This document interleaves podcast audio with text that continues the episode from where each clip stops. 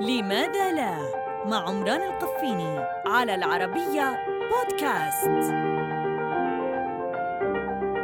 لماذا لا توجد أعصاب في الشعر؟ تخيل لو أنك ذهبت للحلاق بمئة ألف شعرة تقريبا في رأسك هكذا يقدرونها. ستتخيل أنك بحاجة إلى تخدير كلي خلال الحلاقة يتكون الشعر من بروتينات ويبدأ بالنمو مع الجنين أول شهرين. وهو خلايا ميتة ليس فيها أعصاب.